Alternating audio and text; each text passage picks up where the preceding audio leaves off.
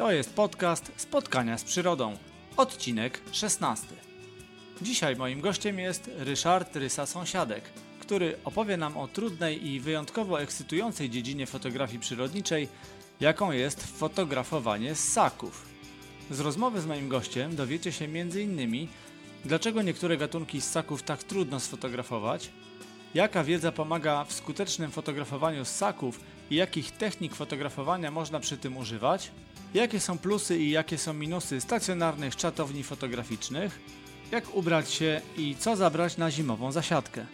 Rozmawiamy także o bezpieczeństwie w czasie plenerów, zbliżaniu się do dużych zwierząt, poruszaniu w trudnym i niebezpiecznym terenie i o wzmożonej ostrożności w okresie polowań. Ryszard przedstawia też swoją opinię na temat wabienia zwierząt przed fotograficzne czatownie oraz mówi o roli, jaką ma dzisiaj do spełnienia fotograf przyrody.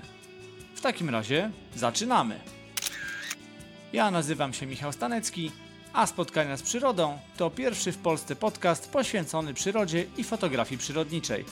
W audycji poruszam tematy ważne dla fotografów, obserwatorów i miłośników przyrody. Zapraszam gości, czasem zawodowców, czasem amatorów, ale zawsze pasjonatów przyrody, specjalistów z różnych dziedzin. Jeśli jesteś miłośnikiem natury i chcesz robić coraz lepsze zdjęcia, to ten podcast jest właśnie dla Ciebie. Zapraszam.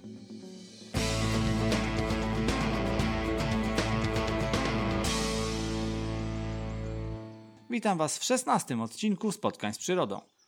Wszyscy moi goście to osoby wyjątkowe, miłośnicy przyrody, wielu z nich to również pasjonaci fotografii. Ale dzisiejszy gość jest dla mnie wyjątkowy, bo to właśnie on, odkąd kilka ładnych lat temu zacząłem pojawiać się na spotkaniach Związku Polskich Fotografów Przyrody, był dla mnie jedną z pierwszych inspiracji. Jako wyjątkowo wszechstronny obserwator i fotograf zaimponował mi nieperfekcyjnymi w sensie technicznym czy estetycznym zdjęciami, ale właśnie tym szerokim, nieograniczonym spojrzeniem na przyrodę. Ryszard Sąsiadek, Rysa, jak sam o sobie mówi, jest po uszy zakochany w polskiej przyrodzie. Choć ma swoje miejsca ulubione, do których często wraca, takie jak m.in. Dolina Biebrzy czy Bieszczady, ale jest też promotorem poznawania i fotografowania miejsc lokalnych, do których każdy z nas fotografów i obserwatorów ma blisko, bo przecież każdy z nas ma w swoim rejonie takie miejsca. I zanim przejdziemy do rozmowy z Ryśkiem, to zabiorę Was na kilkuminutowy spacer po jednym z moich ulubionych, takich właśnie lokalnych miejsc. Ta krótka relacja łączy dwa stałe działy podcastu, mianowicie aktualności, czyli co obecnie w trawie piszczy, i moje miejsca ulubione. Posłuchajcie. Jestem na stawach hodowlanych, na których no, nazwy nie zdradzę, aczkolwiek dodam tylko, że wchodzę tutaj zawsze za zgodą e, właścicieli. Są ze mną moje dwa psy, słyszycie no pewnie też trochę wiatr, ale słyszycie moje kroki, słyszycie brzęczenie adresówek psów przy obrożach. Jest wczesny wieczór, to w zasadzie taki schyłek ciepłego, sierpniowego, letniego i upalnego dnia. Aczkolwiek pora już bardzo fajna, bo słońce już tak mocno nie, nie pali. Światło słoneczne zrobiło się już bardzo przyjemne słońce jest w miarę nisko nad horyzontem, także pod tym względem naprawdę tak obserwacyjnie jest, jest bardzo miło. Atmosfera na stawach taka bardzo, bardzo leniwa. Jest sporo ptaków. Może nie są to jakieś ogromne koncentracje poszczególnych gatunków, natomiast trochę zróżnicowania jest, ale podkreślę, że ta atmosfera leniwa, bo to właśnie takie, takie odczucie i generalnie takie emocje, gdy się na to patrzy. Część stawów w tym kompleksie nie została w ogóle wiosną zalana z uwagi na bardzo suchą wiosnę. W innych tej wody jest, tak powiedziałbym, dosłownie po kolana. W jeszcze innych płytszych tworzą się takie łachy, na których też e, zbierają się po prostu ptaki. E, można sobie popatrzeć na czaple białe, na czaple siwe, na wodzie jest sporo kaczek.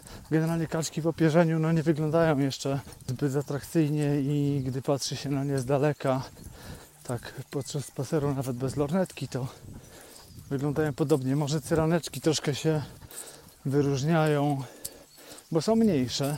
Na jednym ze stawów też podal takiej wyspy kormoranów Sama wyspa Kormoranów charakteryzuje się tym, że drzewa są tam pobielone, trochę popalone już odchodami tych ptaków. Pod tą wyspą też y, zbierają się czernice. W pewnym miejscu pokazują się zimorodki. Mignęły też dwa, dwa bieliki.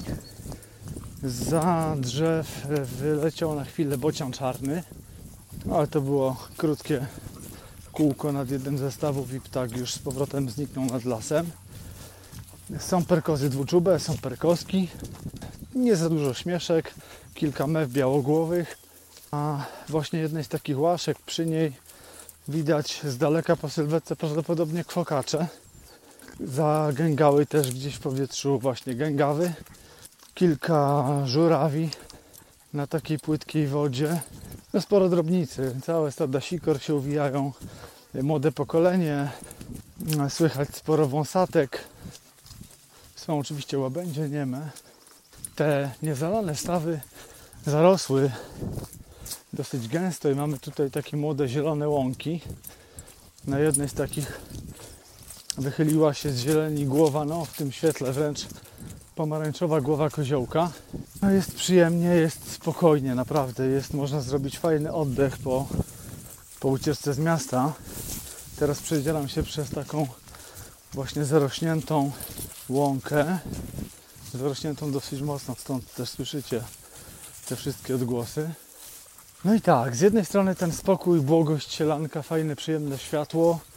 Jest generalnie bardzo zielono jeszcze jak na, jak na sierpień, bo często w te ciepłe i suche lata, no to o tej porze już generalnie było bardziej żółto, wszystko bardziej przesuszone, popalone, a w tym sezonie jest troszkę, troszkę inaczej. Tej zieleni jeszcze dominującej jest więcej.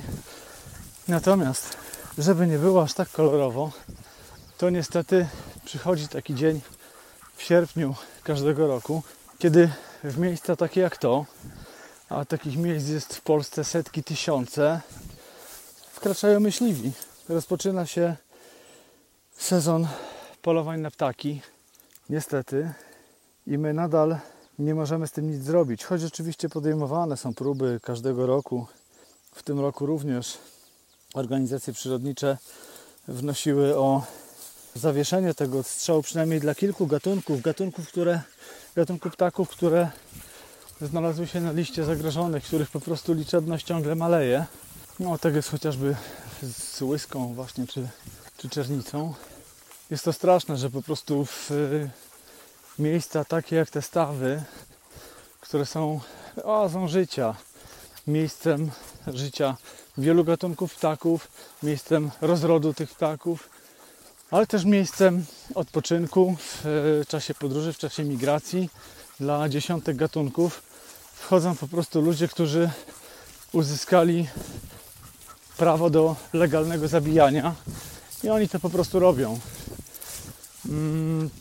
Nie jest to absolutnie niczym uzasadnione. Nie chodzi tutaj o, o zdobywanie mięsa tych ptaków. Wielokrotnie widać, że ptaki nie są nawet zbierane, wyławiane z wody. Jest to działalność taka wyjątkowo rekreacyjna, hobbystyczna.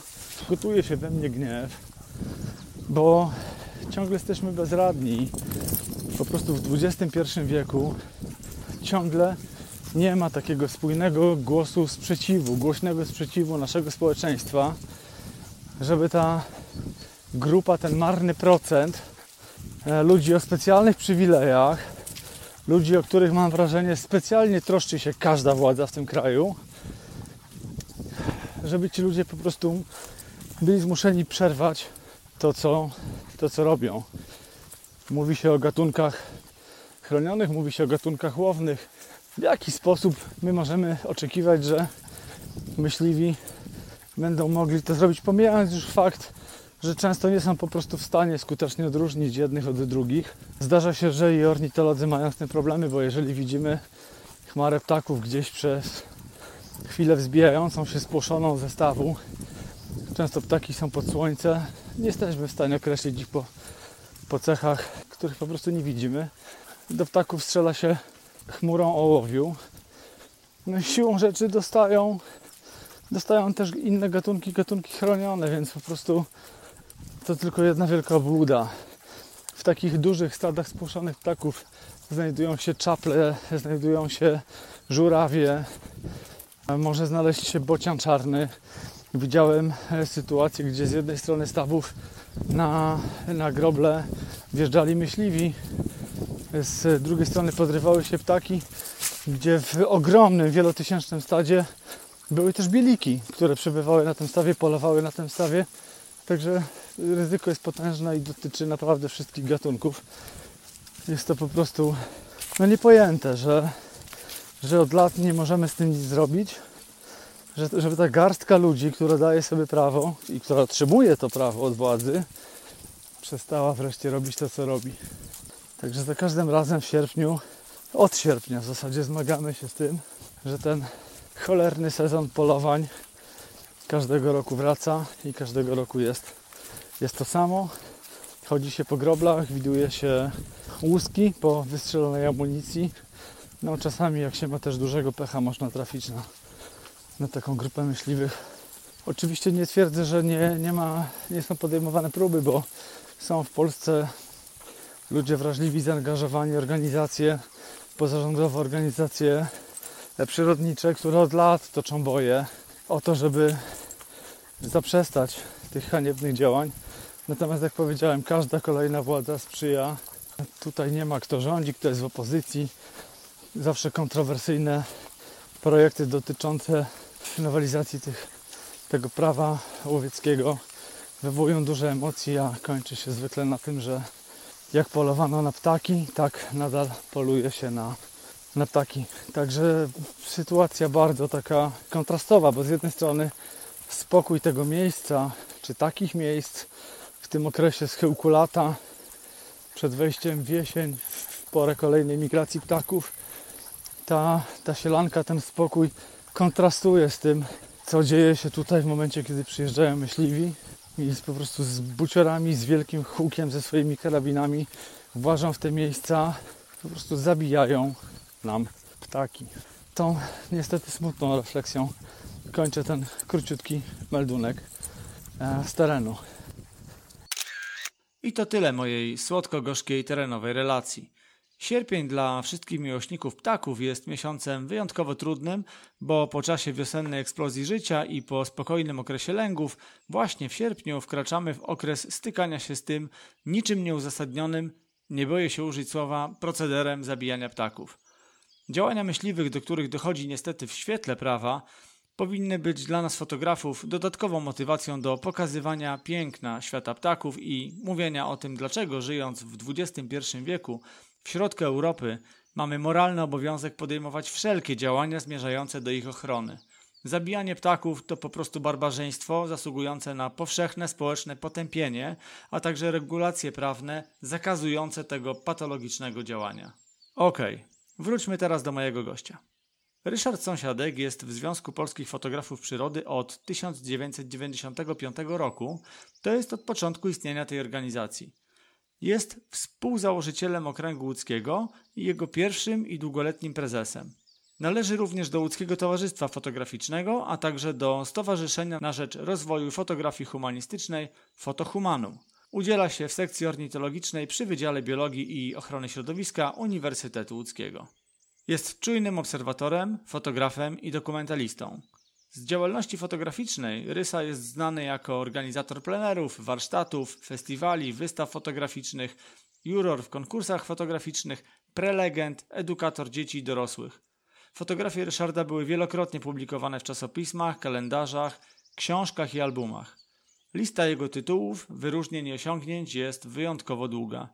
Jego największą pasją jest fotografia przyrodnicza. Stale zafascynowany pięknem polskiej i regionalnej przyrody, każdą wolną chwilę poświęca na przyrodnicze plenery, z których na ogół przywozi ciekawe kadry, którymi dzieli się z nami w mediach społecznościowych. Choć jak powiedziałem, Rysa jest uniwersalnym i bardzo wszechstronnym fotografem, to dzisiaj pytam go głównie o fotografowanie ssaków. To bardzo trudna i wymagająca, ale zarazem dająca ogromną satysfakcję dziedzina fotografii przyrodniczej. Wymaga dużej wiedzy, sporego terenowego doświadczenia, znajomości różnych technik fotografowania, ale także opanowania sztuki tropienia zwierząt i bycia niewidzialnym. Patrząc na portfolio Ryśka, można śmiało powiedzieć, że we wszystkich tych aspektach działania jest po prostu mistrzem. Zapraszam Was teraz do wysłuchania rozmowy z Ryszardem Sąsiadkiem. Cześć Ryszard, dziękuję, że przyjąłeś moje zaproszenie. Dziękuję, Michale.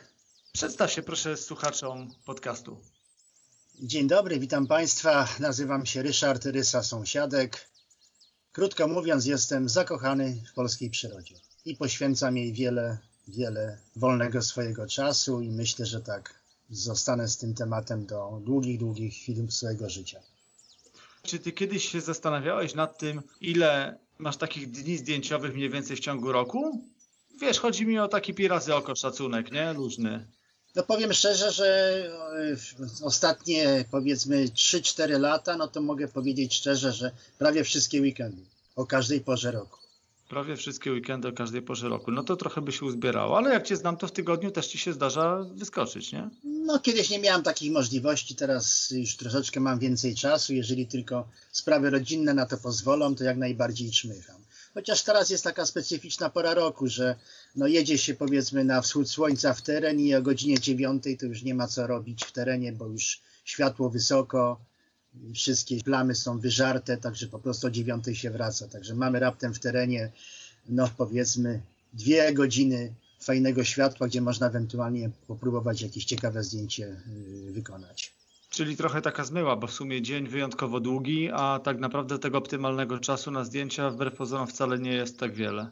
No dokładnie tak jak mówisz, ale na szczęście już się ten dzień troszeczkę też yy, yy, skraca, także już te wyjazdy są troszeczkę późniejsze, także już jest to troszeczkę lepiej, ale to nie zmienia faktu, że po prostu no 2-3 godziny rano i potem już jest światło no niezbyt takie ciekawe do, do fotografowania.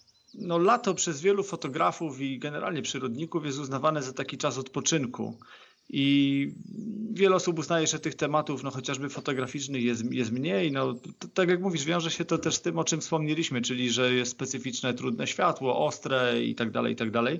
Poza tym, no, po intensywnej wiośnie, okresie lęgowym i tak dalej, przed jesienią, która też przecież, no i migracja ptaków i, i gody dużych ssaków, no to ten okres lata jest takim trochę przestojem. Ale ty fotografujesz. No, absolutnie się z tobą, Michał, nie zgodzę. Lato jak lato, no, są tematy jak najbardziej. Jeszcze fotograf przyrody, y, taki no, będący często w terenie, zawsze sobie jakiś temat znajdzie, tylko to właśnie teraz kwestia, czy ten model, y, który chce sfotografować, akurat mu się pokaże, czy się nie pokaże, a jeżeli nie, no to zawsze są jakieś tematy zastępcze. Także ja uważam, że każda pora roku ma swoje jakieś pryncypia i każdy, o każdej porze roku można naprawdę tą przyrodę fotografować. No dobra, to tak teoretyzujemy, a w praktyce, co ostatnio fotografowałeś? No mam taką swoją ulubioną kałużę, tak zwaną, jak ja to nazywam, w takim nie za dużym lesie. No ten rok jest troszeczkę specyficzny, bo wbrew pozorom tej wody jest dosyć dużo, ale jest to kałuża taka całkowicie śródleśna i tam na przykład sporo ptaków przylatuje, czy się napić, czy wykąpać. Zdarza się też, że jakiś duży ssak się napatoczy. No ostatnio miałem taką sekwencję, że na przykład przyszedł lis, który był ode mnie dosłownie o półtora metra. No bo ty byłeś w takim dystansie raczej ptasim. Tak, tak. No nie byłem przygotowany na to, raczej miałem obiektyw długoogniskowy, także po prostu popatrzyliśmy sobie trochę w oczy. No postał tam z półtora minuty, napił się i poszedł sobie dalej.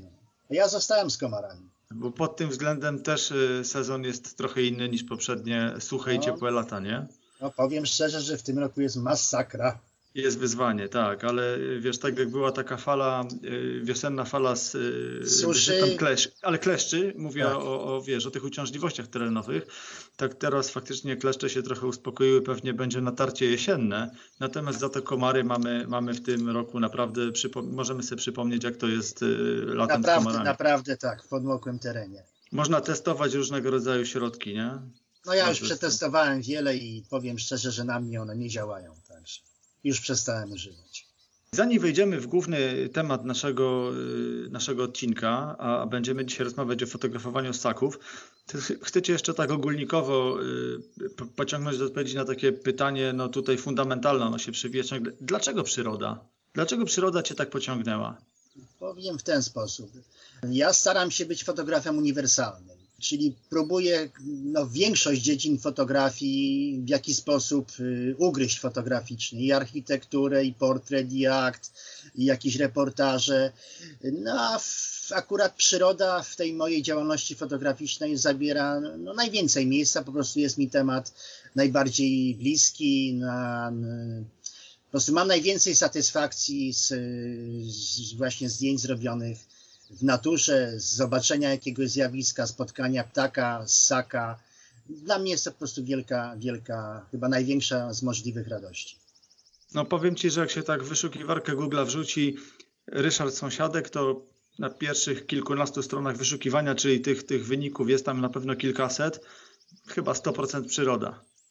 No, powiem, że mam kilka takich kont, gdzie po prostu, no może nie wszyscy mnie kojarzą i niech tak zostanie. Głównie teraz na, na Facebooku prezentuję swoje zdjęcia, no i po prostu nie chcę wchodzić w inne tematy na, na tym moim profilu facebookowym. Po prostu przyjąłem zasadę, że tylko przyroda. No i między innymi wyszukiwarki przez to też w jakiś sposób tam traktują y, moją osobę bardziej z przyrodą niż, niż z innymi tematami, ale gdybyś tam głębiej poszukał, to na pewno Można- znajdzie można się wiele, wiele, wiele innych jeszcze moich tematów fotograficznych. Można coś wyszperać. Y, Fotografia przyrodnicza i w niej fotografia ssaków. Ja w poprzednich odcinkach mówiłem o tym, że w zasadzie no, tylko potencjalnie można powiedzieć, że niektóre gatunki fotografii przyrodniczej, jeżeli w ogóle tak ją podzielimy na gatunki, są łatwiejsze, pozornie łatwiejsze, no bo powiedzmy do, do fotografowania krajobrazów nie trzeba się maskować, no, w innych dziedzinach też być może nie trzeba wstawać w środku nocy. E, Pomijam kwestię techniczną, jakieś umiejętności już e, samego obcowania z aparatem, budowania kadrów. No to powiem Ci, że ta fotografia ssaków, no ptaków pewnie też, ale myślę, że ssaków mimo wszystko no, każe się fotografowi e, wspiąć jednak na szczyt i tych, tych trudności tutaj do przezwyciężenia, pewnie zresztą z wielką satysfakcją o tym, o tym pogadamy, no jest najwięcej, nie? bo to, to duże, duże zwierzęta, znaczy nie tylko w tym przypadku, bo tu będą ssaki pewnie od myszy po żubra, No tego co dokładnie. tak mniej- więcej kojarzę Twoje portfolio, to mimo wszystko no, ten kontakt z, z takim zwierzakiem, który wiesz, spojrzy Ci prosto w oczy i jednak rejestruje Cię wszystkimi zmysłami, to jest wyzwanie. No, sprostać czemuś takiemu to już tutaj no, nie każdy się nadaje, a do tego jeszcze no, specyficzny sprzęt zaawansowany. Też uważasz, że to taka dosyć trudna działka? Myślę, że każda z dziedzin fotografii przyrodniczej ma, ma wiele trudności. No chyba nie można tak powiedzieć, że fotografia krajobrazu jest łatwiejsza od fotografii ssaków. No na pewno jakaś yy, przy ssakach na pewno troszeczkę więcej trudności jest. jest. Ale no myślę, że no każdy się w czymś tam odnajduje i żeby zrobić ten kadr, to tak i tak musi znaleźć miejsce, znaleźć motyw, ustalić sobie kadr, czekać na to wymarzone światło. No wiesz, wychodzić jest- też, nie? Wychodzić no, zdjęcie, no nie? przede wszystkim, no, przede wszystkim. No, mam kolegów, którzy na przykład parają się fotografią y, krajobrazu, na przykład Arek Pałasiński. On ma swoje kadry i on potrafi kilkanaście razy tam jechać w to konkretne miejsce, z góry upatrzone i tylko czeka na światło. I to jest to samo z kolei w moim wypadku. No, mam to miejsce, gdzie teoretycznie powinny wyjść jelenie, a czy wyjdą, no to jest zawsze dla mnie zagadka. No, bo nie można w wypadku ani ptaków, ani ssaków tak na 100% przewidzieć, y, że w danym miejscu, tam gdzie ja sobie upatrzyłem ze względu na tło y, i różne inne tam mankamenty krajobrazu, to miejsce, no po prostu mogę też jeździć kilka razy i też tego y, światła nie złapię.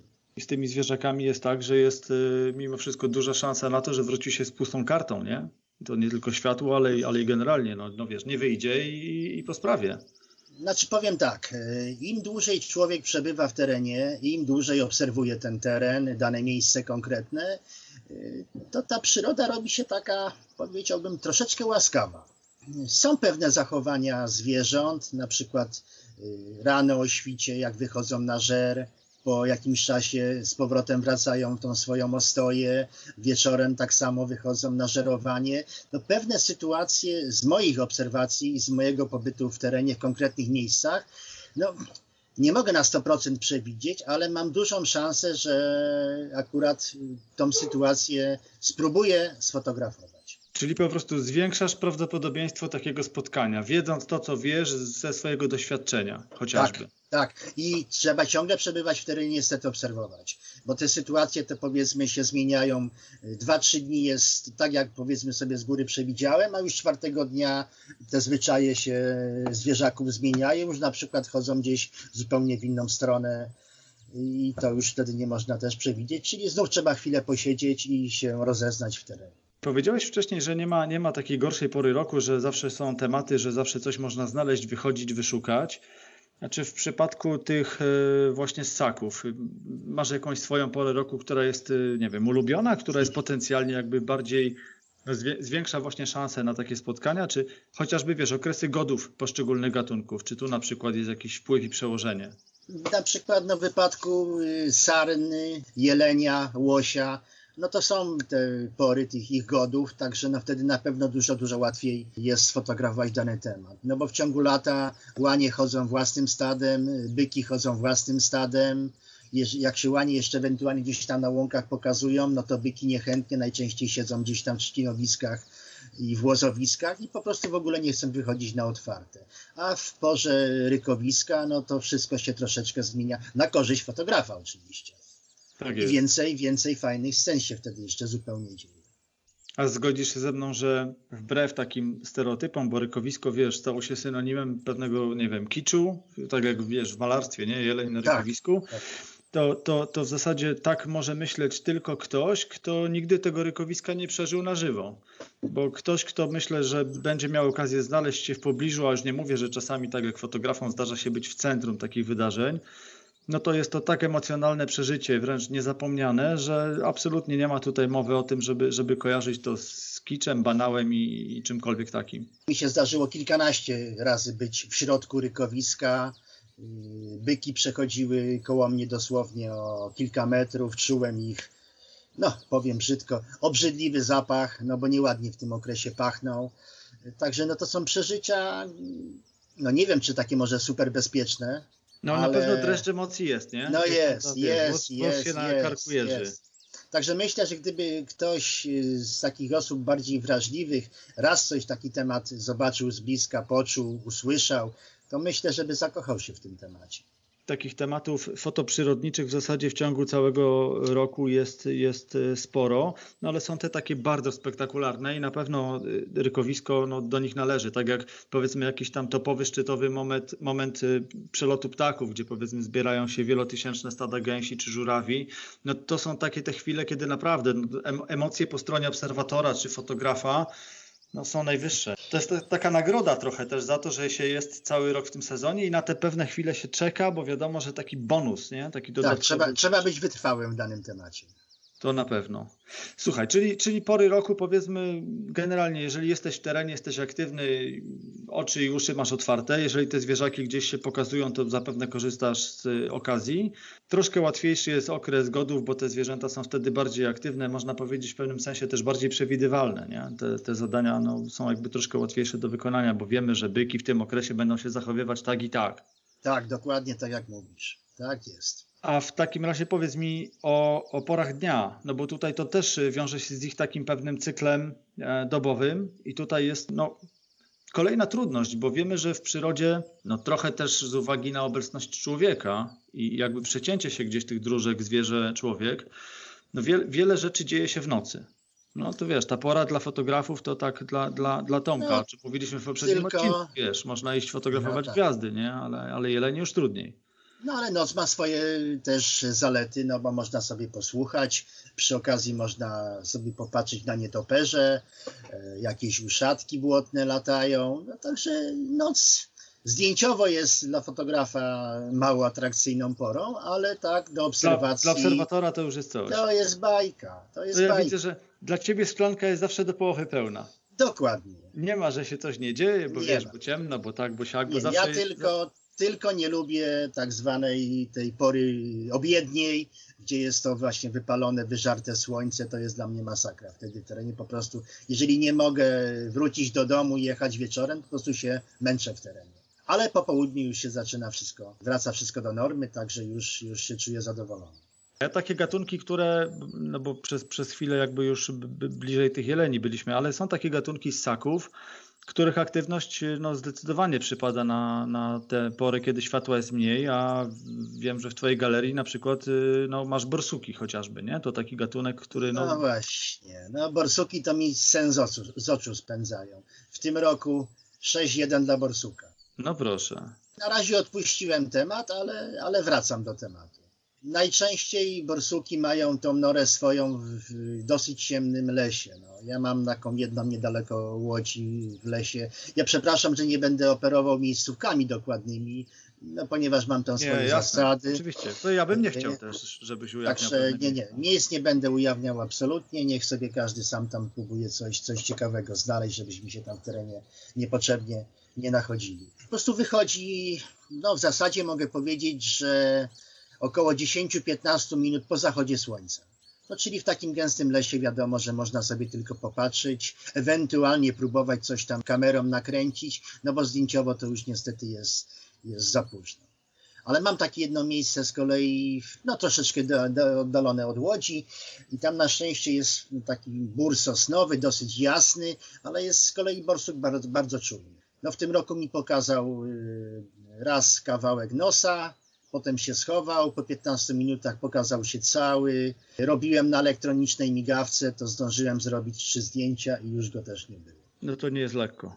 Nie jest lekko. Jest trudny temat, to już chyba jest mój trzeci czwarty rok z rzędu, gdzie, gdzie próbuję e, fotografować e, borsuka, ale ja jestem e, takim fotografem, że nie za wszelką cenę odpuszczam temat, przyjdzie ochota, no nie wiem, może jesienią będę próbował późną, może za rok.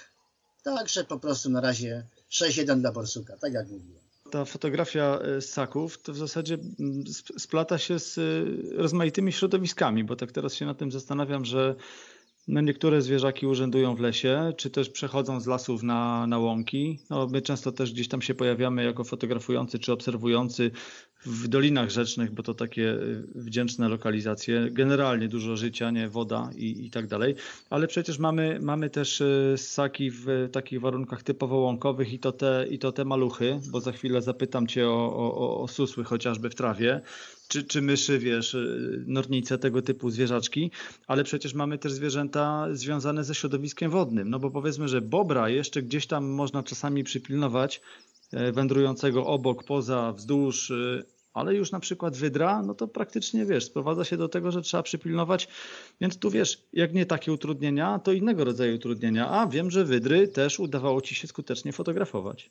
No, powiem, że z wydrami to, powiem szczerze, to zawsze był fuks to nic nie można przy wydrze przychodzić. Ona jest też takim ssakiem nieobliczalnym, y, nie chodzi tymi samymi ścieżkami codziennie. Ona chyba ten teren y, swój, ten rewir łowiecki raz na tydzień może z moich obserwacji patroluje. Także wszystkie zdjęcia wydr, jakie mam, to po prostu no, czekając na przykład na, na czaple czy na bociany, akurat miałem bonusa i trafiała mi się też, też. Podobnie jest z norką, podobnie jest z piżmakiem.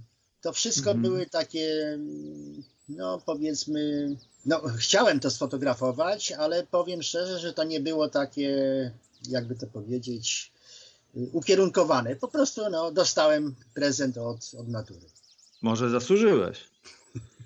Słuchaj, a, a, wspomniane, wspomniane susły, no to też troszkę inna specyfika, bo to małe, ostrożne zwierzątka żyjące w koloniach z nie, niezłym, całkiem niezłym systemem ostrzegania, bo to wiesz, czy się pojawi tam drapieżny ptak, czy bocian, czy liść, czy pies ze wsi gdzieś w okolicy, no to jak wiemy jest y, sekunda i już, już masz y, puste pole widzenia.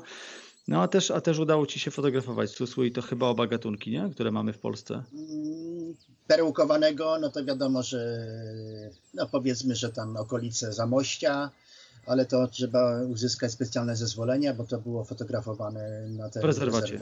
Tak. Mhm. A susły moręgowane, ja osobiście nie mam e, fotografowanych w Polsce, żeby właśnie nie brnąć w te wszystkie zezwolenia, które mnie tam troszeczkę e, tak przerażają. Akurat ja je fotografowałem w Rumunii. W jaki sposób wybierasz y, miejsca, gdzie, gdzie ruszasz na plenery? Bo może trzeba było zacząć od tego, że pewne okolice no masz po prostu dobrze schodzone i znasz i wiesz, jaki tam jest potencjał. no ale też poruszasz się dużo po kraju, już tam zostawmy tą zagranicę. Y, Jesteś człowiekiem aktywnym, takim fotograficznie, więc jakby te lokalizacje rozmaite odwiedzasz.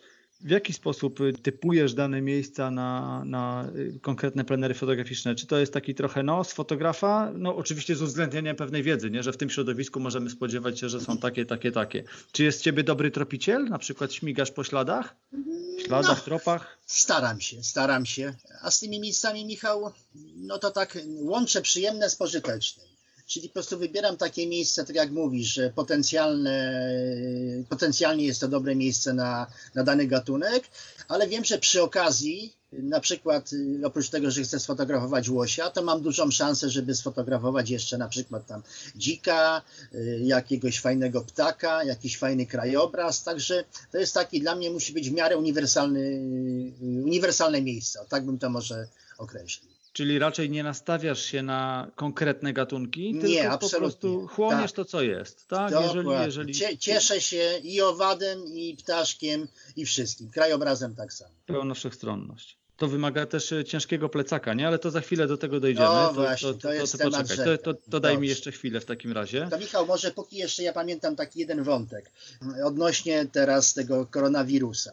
W moim wypadku, ale myślę, że to będzie się tyczyło też wielu, wielu osób, no nie można było się przemieszczać po kraju, prawda? Czyli człowiek był niejako uziemiony. I to mi dało tą radość, że no cały ten wiosenny okres spędzałem u nas w regionie, tak? Czyli nie Mhm. przemieszczałem się nigdzie po kraju i powiem, że to miało dla mnie wiele zalet, bo naprawdę dzięki tej pandemii poznałem kilka fajnych nowych miejsc, w które no, kiedyś dawno chciałem być, nie było czasu, bo człowiek gdzieś tam pędził po Polsce i tak dalej. A właśnie ta pandemia pozwoliła poznać najbliższą okolicę właśnie miejsca zamieszkania, czego większość z nas jednak podejrzewam jednak nie robi. Właśnie ka każdy gdzieś tam próbuje wyjechać super daleko, bo tam będzie pewny łoś i tak dalej. Łosie są u nas dosłownie, nawet w Łodzi można łosia spotkać. Po co jechać nad Biebrze, żeby tylko łosia sfotografować, jak można ten temat równie dobrze u nas w okolicach Łodzi, czy nawet w samej Łodzi całkiem dobrze sobie sfotografować. Poznajmy najbliższą okolicę, w której po prostu mieszkamy. Czyli nawet z epidemii można wyciągnąć coś dobrego, nie? Patrz, No to, jednak chyba, ta, chyba ta jedyna, jedyna, jedyna chyba dobra rzecz Jedyny aspekt. z pandemii. Ale tak ch- chcesz jest. powiedzieć, że wy- wykroisz z tego czasu pandemii drugi album dotyczący tutaj centralnej Polski? Przyznam się, że pracuję nad tematem, pracuję nad tematem. Dobra, to na razie nie będziemy nic zdradzać. Jak przyjdzie czas, to będziemy, będziemy rozmawiać, promować.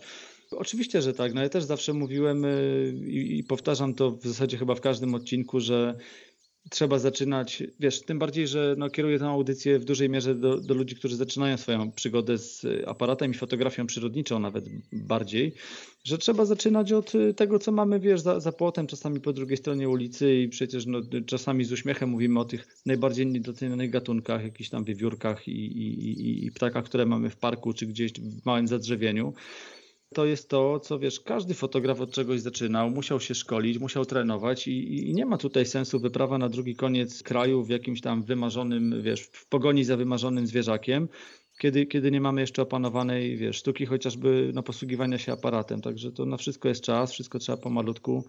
W miejscach nawet potencjalnie może mniej ciekawych czy mniej atrakcyjnych, tak jak mówisz, wystarczy tylko naprawdę pochodzić, zeksplorować, odkryć.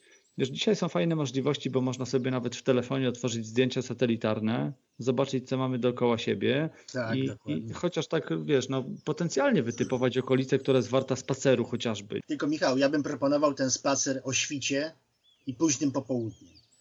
Spacer w południe to jest po prostu dla mnie tylko i wyłącznie spacer. To można sobie wziąć wtedy, nie wiem, kijki, termos i po prostu posiedzieć Po prostu się poruszać. Tak, no bo wiadomo, że w tej porze południowej to w zasadzie, no myślę, że mało się zobaczy. Tego, co by Tak. się chciało zobaczyć. Wiesz, nie, nie dość, że aktywność y, zwierząt jest mniejsza, to jest większa aktywność ludzi, wiesz, hałasy, nie wiem, prace na, na polach, y, kręcący się ludzie, aktywni biegacze, rowerzyści. Dokładnie, dokładnie. Tak, to są dwa, dwa różne, zupełnie różne światy, chociaż te same miejsca widziane w, w tej optymalnej dla nas porze, powiedzmy świtu, a potem w południe. Masz rację, to, to, to niewątpliwie trzeba sobie odnotować, że albo, albo taką porą, albo, albo dać sobie spokój i po prostu rekreacyjnie sobie pójść, wiesz, z rodziną na, na wycieczkę. Tak.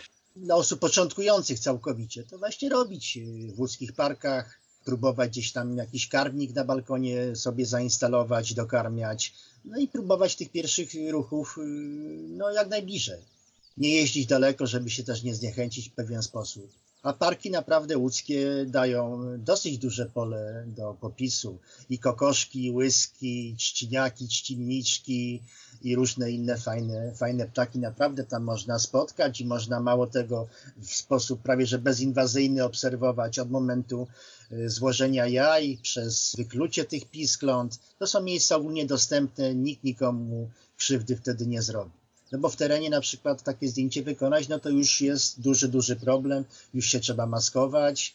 No poza tym no, nasza stała, stała zasada, że przy gniazdach tak się nie fotografuje, także a te łódzkie parki w pewien sposób pozwalają nam zobaczyć rzeczy, które normalnie są trudno widywalne. I to na dobrą sprawę czasami nawet bez schodzenia ze ścieżki, nie? Dokładnie, z, normalnie, prawie że z drogi bym powiedział, asfaltowej, Mało tego, niektóre gatunki żyjące no jakby w pobliżu ludzi automatycznie są trochę bardziej e, przyzwyczajone i ten dystans też, e, gdzie one reagują, uciekają, jest no troszkę inny niż w naturze, tak. co też sprzyja temu, żeby po prostu no chociażby właśnie treningowo do tego podejść. Dopiero ktoś połknie bakcyla, no to wtedy ewentualnie można Wypuścić sobie się gdzieś utru dalej. utrudniać życie. A powiedz mi, bo już, już w zasadzie do tego też nawiązaliśmy, pewna wiedza jest niezbędna. No, wiedza, znajomość gatunków, znajomość środowisk, jakby połączenie tego, zestawienie tego, no to jest klucz w zasadzie do takiego wejścia w e, fotografowanie zwierząt. No dokładnie. To niestety już każdy musi na wła we własnym zakresie, no bo nie ma jakiejś takiej uniwersalnej metody, żeby to wszystko na raz opanować. Także trzeba się zaopatrzyć w jakieś atlasy przyrodnicze, pouczyć się trochę gatunków, poczytać różne periodyki, czasopisma o tych różnych zachowaniach. W ogóle są monografie bardzo ładne wydane o różnych gatunkach ssaków, ptaków. No po prostu no, trzeba taką wiedzę chłonąć. No i przede wszystkim teren. Po prostu wszystko trzeba wychodzić, tak czy Wszystko inaczej. trzeba wychodzić, no i w jaki sposób się, tak jak mówiłeś, merytorycznie do, do tematu też jak najbardziej przygotować. Pokusiłbyś się o takie stwierdzenie, że są gatunki, które fotografuje się łatwiej, a są gatunki, które fotografuje się trudniej. Trzymajmy się tych ssaków cały czas. Chodzi mi tak. o takie zaangażowanie fotografa jakby organizacyjne i sprzętowe, techniczne, no jakby tak w całym kontekście. Zdecydowanie powiem, że są łatwiejsze i trudniejsze. No na przykład z tych łatwiejszych, no to tak jak mówiłeś, no teoretycznie te jelenie, sarny, zające to są powiedzmy te gatunki, no lis jeszcze ewentualnie, łatwiejsze, a wszystkie pozostałe no to już jest y, no, trudny temat. Wspomniałeś, że tutaj fart, bo wydra, tutaj też coś tam się zadziało takiego, że dużo jest w tym przypadku, bo po prostu idziesz, nie ograniczasz się, nie, nie nastawiasz na konkrety ale mimo wszystko może fotograf podjąć pewne działania, które przybliżą go do sukcesu. Poniekąd na pewno dużą jakby składową całej tej zabawy no będzie strona techniczna tej fotografii z saków, czyli można chodzić, spaterować, my mówimy też na to podchodzenie, prawda? Fotografowanie z podchodu, czatowanie, maskowanie, specjalistyczny sprzęt, nie wiem, doraźna improwizacja z gałęzi czy specjalistyczne namioty. No tutaj jakby wchodzimy w taki dość, dość e, szeroki temat, taki sprzętowy, techniczny. Zacznijmy może od tych, od tych samych technik fotografowania, bo tutaj też pewnie w zależności od sytuacji, gatunku będzie to inaczej wyglądało. Zależy od gatunku. No na przykład y, skupmy się na tych jeleniach i na łosiach, bo myślę, i Danielach, no bo to w miarę, w miarę podobny temat, temat do fotografowania.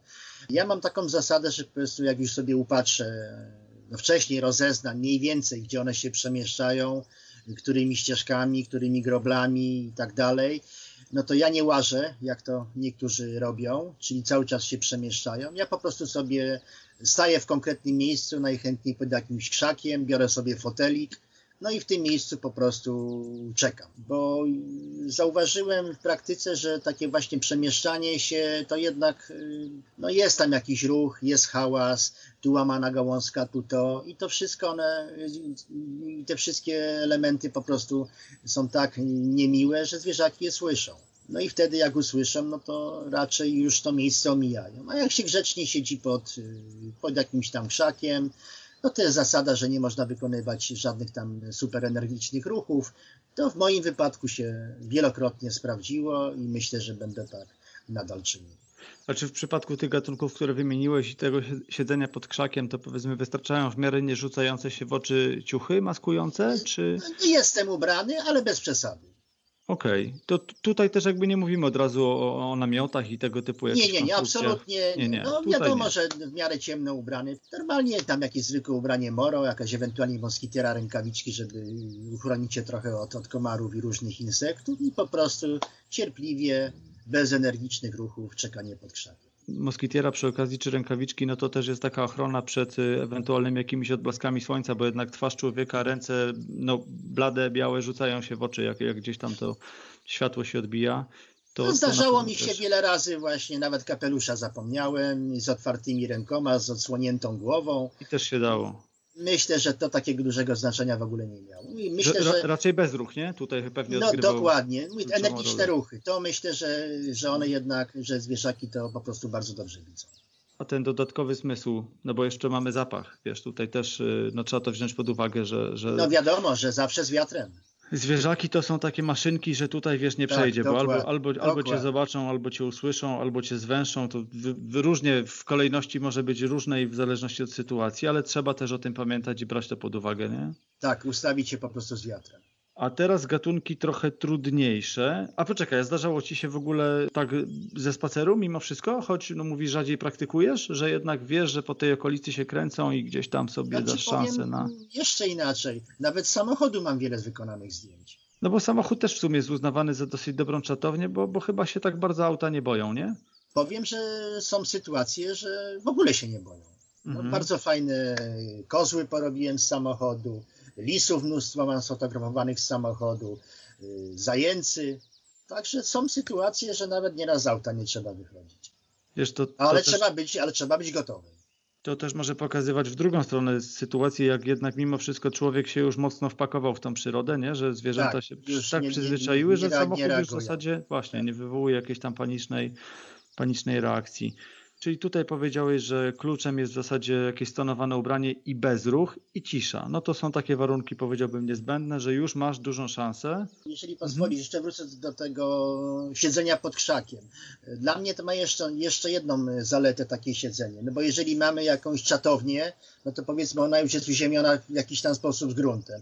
Żeby się przesunąć w lewo metr y, czy dwa metry, no to już jest problem. Trzeba wyjść z czatowni, prawda, i się przesunąć. A będąc pod krzakiem, delikatnie można, prawda, tam te kilka stopni pójść w lewo, pójść w prawo i sobie tam kat troszeczkę zmienić, bo światło inaczej pada gdzieś tam w tle i tak dalej. Także to jest dla mnie jeszcze dodatkowa zaleta właśnie takiego no, siedzenia powiedzmy w miejscu i mieć tą możliwość przemieszczenia się gdzieś lewo, prawo, czy do przodu, czy do tyłu. Jeszcze pewnie w zależności od tego, jaki rodzaj czatowni, może być też tak, że mimo wszystko z czatowni mamy trochę bardziej ograniczone pole widzenia, nie? A tak, tutaj siedząc dokładnie. sobie, tak, siedząc na takiej zasadzie pod krzakiem, jednak możemy spokojnie gdzieś tam skanować okolice y, bez nerwowych ruchów, jak mówisz, ale jednak mimo wszystko zachować czujność, rozglądać się i nie dać się zaskoczyć, nie? Że gdzieś tam tak, idą z tak, innej strony. Tak. Zwierzęta bardzo często, ssaki bardzo często mają jednak swoje takie rytuały, że w rewirze powiedzmy przemieszczają się, nie? Czy to kozioł, czy byk, one gdzieś tam patrolują, chodzą tymi ścieżkami, więc więc jest spora szansa, że jeżeli my się przestaniemy za nimi uganiać, a damy im szansę przyjść do nas, no to tak się po prostu stanie. To tylko kwestia cierpliwości, to też takie słowo klucz, które się Dokładnie. tutaj musi pojawić. No trzeba swoje wysiedzieć i wyczekać. No nie ma, nie ma na to rad. A takie gatunki, o których y, no, też musimy wspomnieć, gdzie powiedzmy to siedzenie pod krzakiem to może być mało i wymagają jednak no, jeszcze, jeszcze bardziej starannego ukrycia to tutaj, e, to tutaj już namioty różnego rodzaju? Znaczy ja używam, e, namiotu bardzo rzadko używam, no bo właśnie mnie to przeraża to uziemienie z, z, z gruntem. E, mam taki fotel, fotel, fotel z, rozkładany z czatownią. Kiedyś dawno temu kupiłem to bodajże w Julii, ale niestety już nie ma tam takiego asortymentu, a uważam, że było to praktyczne. I to właśnie miało jeszcze tą zaletę, że to było całkowicie szczelne, to jednak można było ten fotel troszeczkę unieść i razem z czatownią się też troszeczkę przemieścić lewo-prawo. Także tu nie było, nie było też żadnego problemu. Albo chociaż obrócić, nie? Albo obrócić, tak. Mhm. Czyli, czyli, a słuchaj, siatka, zdarza ci się też stosować takie rozwiązanie, że powiedzmy Zdarza gdzie tam się... się, ale powiem szczerze, siatka, siatka i maskalat tak zwany mnie irytują.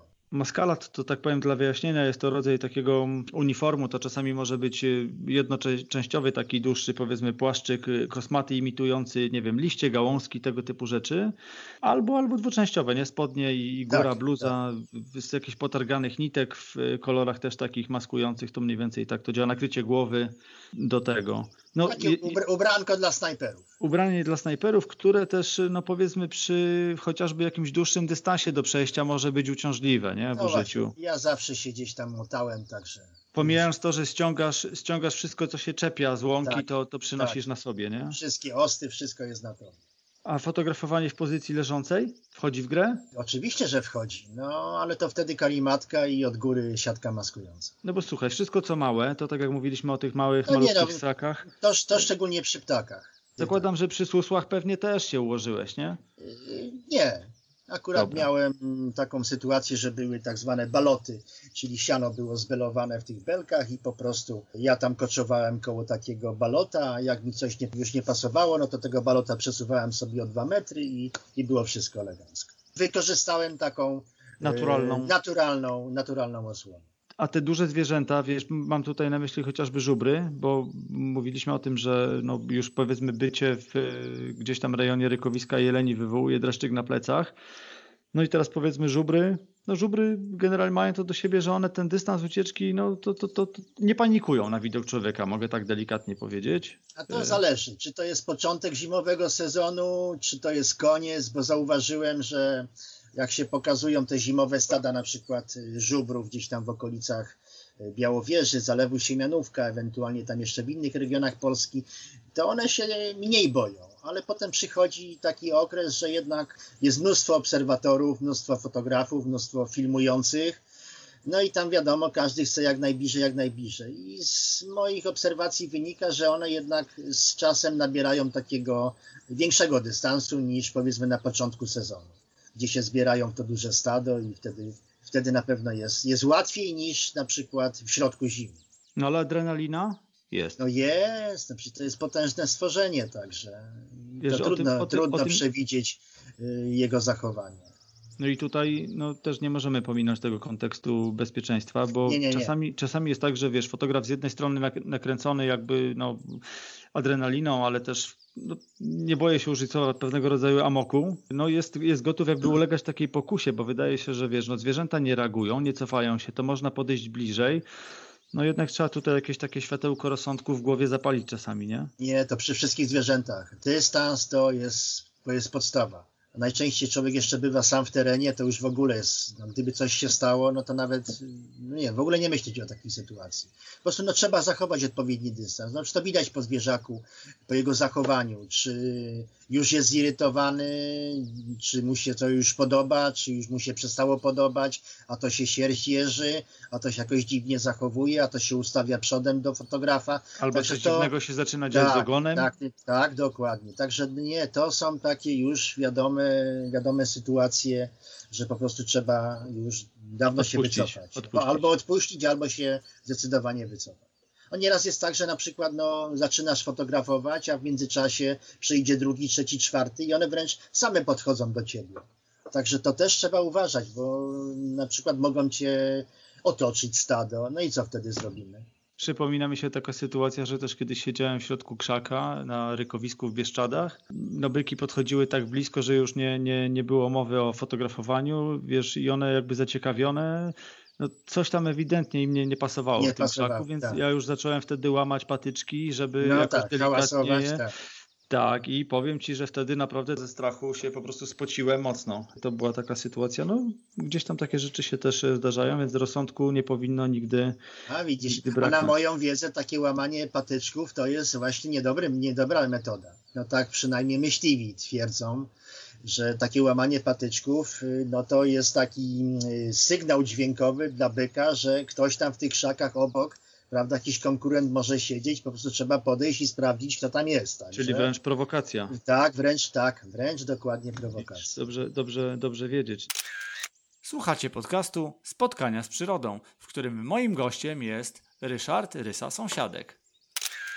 Dotknąłeś tutaj jednego jeszcze wątku, o który też e, chciałem Cię zapytać, bo powiedziałeś, że z, reguły jest się samemu w terenie. Nie preferujesz tutaj takich wyjść gdzieś, powiedzmy, nie wiem, z, z kimś, gdzieś jakiegoś takiego partnerskiego wychodzenia na, na, na zdjęcia? Miałem okres, że miałem mm, kolegę, z którym razem tam przez 4 lata urzędowaliśmy, ale jakoś tam nasze ścieżki się troszeczkę rozeszły. Powiem, że to jest bardzo rozsądne podejście do fotografii, czyli dwie osoby, maksymalnie dwie osoby. Wspieramy się nawzajem, zawsze jest to łatwiej. Koszty transportu też się w jakiś sposób rozkładają na dwie osoby. No, dwie głowy, różne pomysły. Także taka dwuosobowa ekipa myślę, że jest w terenie bardzo rozsądnym rozwiązaniem. Ale czy to, to działa tak, że ta dwuosobowa to tylko w tych y, sferach bardziej powiedziałbym organizacyjnych, czy już w samym, w samym miejscu fotografowania też siedzieliście ramię w ramię? No nie, nie, nie, nie, nie. Ja miałem zawsze taką zasadę, że dystans między mną a kolegą czy koleżanką zawsze musiał być kilka, kilkanaście metrów. Po prostu dlatego chociażby, żeby nie robić takich samych zdjęć. No bo mhm. jeżeli siedzimy głowę w głowę, no to wiadomo, że jedno i drugie po prostu mamy wszyscy takie same zdjęcia, ale chyba nie, nie w tym rzecz, prawda? Pewnie. Także, ja wystarczy przesunąć się kilka metrów od siebie i już ten kąt widzenia, inne tło i już są inne. No motyw główny może jest ten sam, ale jednak zdjęcia już są troszeczkę inne, może nawet bardzo inne. Ja tutaj uważam, że trzeba mieć w sobie więcej dyscypliny. Jak się jest w terenie z kimś, to są takie dodatkowe pokusy do tego, żeby na przykład się odezwać, gdzieś coś wskazać, pokazać, zamienić słowo. No tak, tak. Na przykład I... ja nie mogę sfotografować, bo mi tam coś zasłania, no ale tam gdzieś ręką delikatnie pokazuję koledze, że słuchaj, tam coś zaraz się będzie działo. No.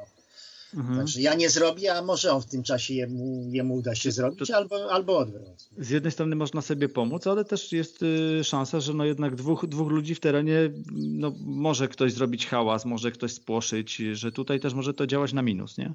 No dokładnie. No jeszcze taką mm, sytuację bym opowiedział. No tutaj też pod Łodzią y, często chodzę sam. Chodziłem też dawno temu też sam. No chodziłem po tak zwanych torfiankach. Więc tak, póki ta woda w tych torfiankach było, ja chodziłem jakimiś takimi tam wydeptanymi ścieżkami i tak dalej.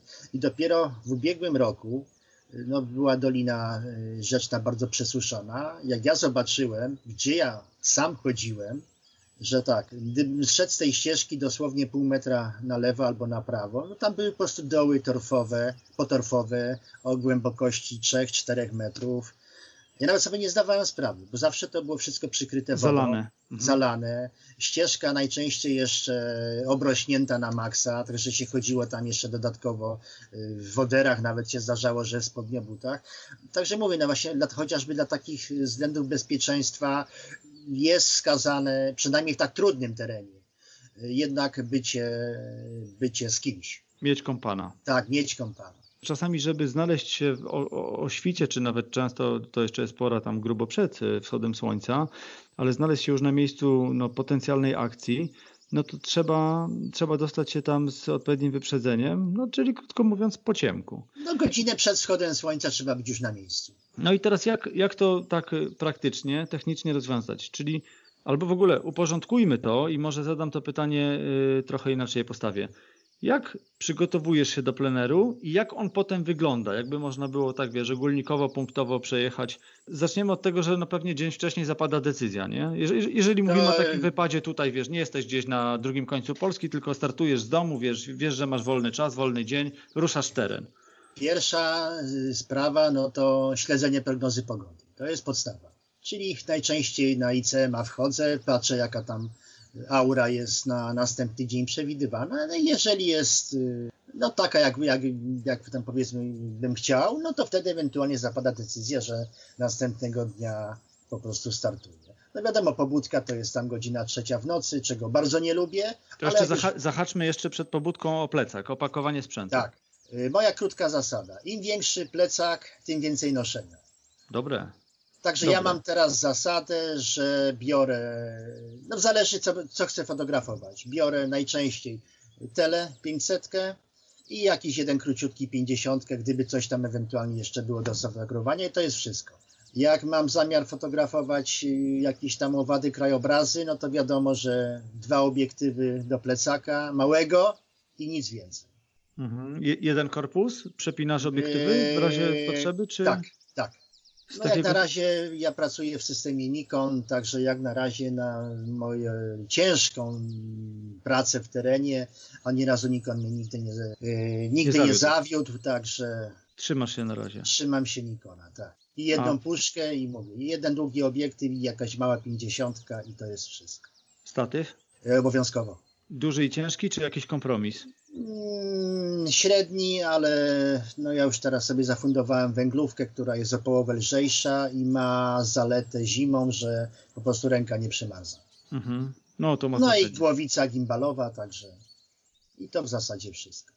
Głowica gimbalowa, która też sprzyja temu, że jeżeli mamy jakąś akcję, to też łatwiej jest podążać e, obiektywem za, Tak, śledzić, za śledzić obiektem. Mhm, mhm. I to w przypadku no, zwierząt w ruchu jakby doskonale się sprawdza. A jakiś sprzęt jeszcze pomocniczy, wiesz, mata, no to pewnie w zależności od tego, co planujesz, nie? No powiem, że matę często. Mam tą taką małą, tą składaną Bundeswehry i bardzo ją polecam, bo jest mała kosteczka, wszędzie ją można To, to składa się do wielkości laptopa bodajże, nie? Tak, Można do do, plecaka do, do, do, dokładnie. Kosztuje tam kilkanaście złotych w sklepach z militariami, także wszystkim ją polecam. Tak, przecież nie będziemy kupować nowych. No pewnie, żeby się tarzać w błocie. Dokładnie. Kalosze? Powiem tak, młody już nie jestem i człowiek w pewnych sytuacjach zaczyna się robić, powiem brzydko, leniwy. Rano jest fajnie, tego światła ciągle przybywa, te zdjęcia można robić coraz dłużej, ale jest to jedno właśnie to duże ale. Trzeba przejść przez na przykład kawałek trzcinowiska czy tużycowiska i jest tak zwana rosa. Mhm. I dosłownie, to jest irytujące. Przejdzie się 10 metrów i w zasadzie człowiek od kostek aż po szyję jest cały mokry. Czyli tak, y, albo kalosze i długa peleryna, albo wręcz spodniobuty. Ale no mówię, człowiek jest leniwy i no nie chce po tej rosie tak za, za często i za długo tam bawić się, więc ja teraz ostatnio przyjąłem zasadę, że jeżdżę popołudniami, gdzie tej rosy nie ma. I wtedy normalnie sobie brykam w terenie w butach na lekko, tylko jest jedna wada, że jest światło i to światło nagle się kończy, czyli ten aktywny czas fotografowania no z automatu jest, y, jest krótszy niż, niż by to można było zrobić rano. No, o tym mówiłem w jednym z pierwszych takich poradnikowych odcinków, że faktycznie ta różnica między fotografią w porze świtu i, i potem y, wieczora sprowadza się do tego, że wieczorem dochodzi taka dodatkowa presja, że to światło się kończy Tak, i tu już nic nie tak, zrobimy. No bo rano to powiedzmy można jeszcze przeciągnąć, jeżeli masz jakąś super akcję, coś się dzieje. No dobra, światło nie jest już może optymalne, robi się za ostre, ale jeszcze, jeszcze możesz cokolwiek działać. Natomiast Tak. z drugą stronę już tutaj nic nie, nie, nie wywalczysz. Nie, no, oczywiście też tam chodzę o świcie, no ale jeżeli mogę zrezygnować, no to już tak powolutku się wycofuję z tego. Ale wszystkim polecam, skoro świt przejście, przejść 100 metrów po tużycowisku na przykład, albo nie, lepiej po trzcinowisku. Każdy Czasami to wtedy nawet- poczuje, poczuje ten klimat. Jak to jest? niespecjalnie wysoka łąka potrafi też Tak, załatwić wszystko, człowieka, bo to jest tak, dosłownie kilkanaście metrów i już masz, Dokładnie, wiesz, spodnie do pasa dokładnie. załatwione. Pakujesz się do plecaka, czy do jakiejś torby fotograficznej? E, Nie, mam plecak. Do plecaka. Tak, do plecaka. On jest Tak. taki w miarę, w miarę solidny. Nawet nieraz powiem, że jak nie zdążę statywu rozstawić, to obiektyw opieram o plecak i, i też go wykorzystuję jako, jako statyw. No i daje mi to zabezpieczenie, że gdyby ewentualnie jakiś tam deszcz czy coś mnie spotkał, no to jednak zawsze ten obiektyw jest troszeczkę w tym plecaku ponoć wodoodpornym chroniony. Ale No też to- polecam wszystkim, żeby na wszelki wypadek duży worek taki powiedzmy 120-litrowy jednak w tym plecaku mimo wszystko sobie wozić. Bo miałem taki, kilka taki takich zwykły, za sytuacji. przeproszeniem, śmieciowy. Tak, taki myśli. zwykły śmieciowy, bo to jednak do takiego wora wrzucić jeszcze plecak z obiektywem i wtedy ma się, no powiedzmy, że 100% pewności, że ten deszcz czy ta burza już tam jednak za bardzo nie zaszaleje. My możemy zmoknąć, ale dla sprzętu to się najczęściej źle kończy. A miałem takie sytuacje, także polecam. Zwykły, duży worek na śmieci. Miejsca Dobra. nie zajmuje dużo, koszty zerowe, a w terenie naprawdę może się okazać bardzo przydatny. Ten patent odnotowujemy w takim razie. No i cóż, masz sprawdzoną prognozę, jest decyzja, że jedziesz, plecak spakowany, no i teraz trzeba wstać w środku nocy. Któryś z moich gości też wspominał o tym, że właśnie wypad gdzieś z jakimś partnerem fotograficznym ma też dodatkowo to działanie motywacyjne, że jednak łatwiej jest wstać, bo wiesz, że no nie możesz kogoś zostawić na lodzie, nie? Jesteś z kimś umówiony, No tak. wstajesz. No, akurat ja takich problemów nie mam. Jeżeli mam wstać, to po prostu wstaję i tyle. No niechętnie, bo niechętnie, ale wstaję. jest środek nocy, no gdzieś trzeba dojechać, potem pewnie trzeba jeszcze dojść. No to już wszystko jest wcześniej w głowie poukładane. Gdzie można zostawić samochód, którą drogą trzeba dojść, którą łąką, którą ścieżką. Także to już wszystko jest poustawiane. No i wiadomo wtedy, że latareczkę trzeba jednak mieć. Ja nawet powiem w ten sposób, że szczególnie jesienią, jeżeli jest to na przykład rykowisko, wiadomo, że są myśliwi. Także wchodząc w teren, a fakt faktem, że ja tam wcześniej naj, najczęściej y, rozmawiam z łowczym, który jest tam na danym terenie, także dla pewności po prostu mówię, że ja tam będę fotografował, ewentualnie pytam, gdzie oni będą strzelali, no bo niestety myśliwych się nie przegoni z terenu, a po prostu nie chcę sobie, żebyśmy sobie wchodzili razem w paradę. Także z panem łowczym najczęściej zamieniam jeszcze kilka słów jesienią, ale jeszcze dla pewności zawsze, jeżeli jest na tyle widno, że, znaczy jest ciemno, ale ja tam jeszcze tą ścieżkę widzę, to nawet tą czerwoną latareczkę taką pulsującą na wszelki wypadek włączam na głowie. Żeby ewentualnie myśliwy, który gdzieś tam się przemieścił, o którym nie miałem pojęcia, albo jakiś pseudomyśliwy, żeby po prostu nie wejść sobie w kolizję. No, jak słucha się niektórych historii w ostatnich sezonach, to faktycznie włos się na głowie jeży, nie? Jakie rzeczy się zdarzają. Tak. Więc tutaj też ostrożność na pewno na pierwszym miejscu w takich sytuacjach. No i myślę, że jakiś element odblaskowy, chociaż na ten czas dojścia do danego miejsca, czyli jakaś opaska odblaskowa, y, myślę, że też nie zaszkodzą, bo myśliwi nawet używając lunety, jeżeli popatrzy na cel, no to tą opaskę teoretycznie powinien też zobaczyć wspomniałeś jeszcze o tym, to też się na sekundkę zatrzymam, że wcześniej trzeba mieć poukładane w głowie to, gdzie dotrzeć, gdzie zostawić samochód i tak dalej. To są rzeczy bardzo ważne, zaakcentujmy to, dlatego że wystarczy, że no, obsunie nam się gdzieś o kwadrans chociażby kwestia parkowania, bo tu będzie kłopot, tu nie będzie miejsca, tu będzie niebezpieczne, tu będzie teren prywatny i może się okazać, że przez jakieś tam nieprzygotowanie niedopatrzenie stracimy po prostu, nie wiem, 20-30 minut tego najlepszego czasu, który no, bezpowrotnie nam umknie a... i nie wróci, nie? Noc zawalona. Może, może tak być, dokładnie. Także tutaj też dobrze by było sobie wcześniej faktycznie no mniej więcej już poukładać to od strony praktycznej. Zostawiam samochód, tyle mam do dojścia, więc przewiduję na to dodatkowo nie wiem, kwadrans, 20 minut, 30 minut. No tu też bierzemy w zależności od dystansu chyba dużą poprawkę na wagę plecaka. No na pewno to ma też wpływ, no i też jeszcze na porę, na porę roku. No bo... I na porę roku. O, no jasne, trzeba się ubrać na cebulkę, to o, kolejna rzecz. To, tak jest. Nie za dużo, bo się zaraz człowiek spoci, będzie mokry, będzie zimno. Także no to, to wszystko to są lata praktyki.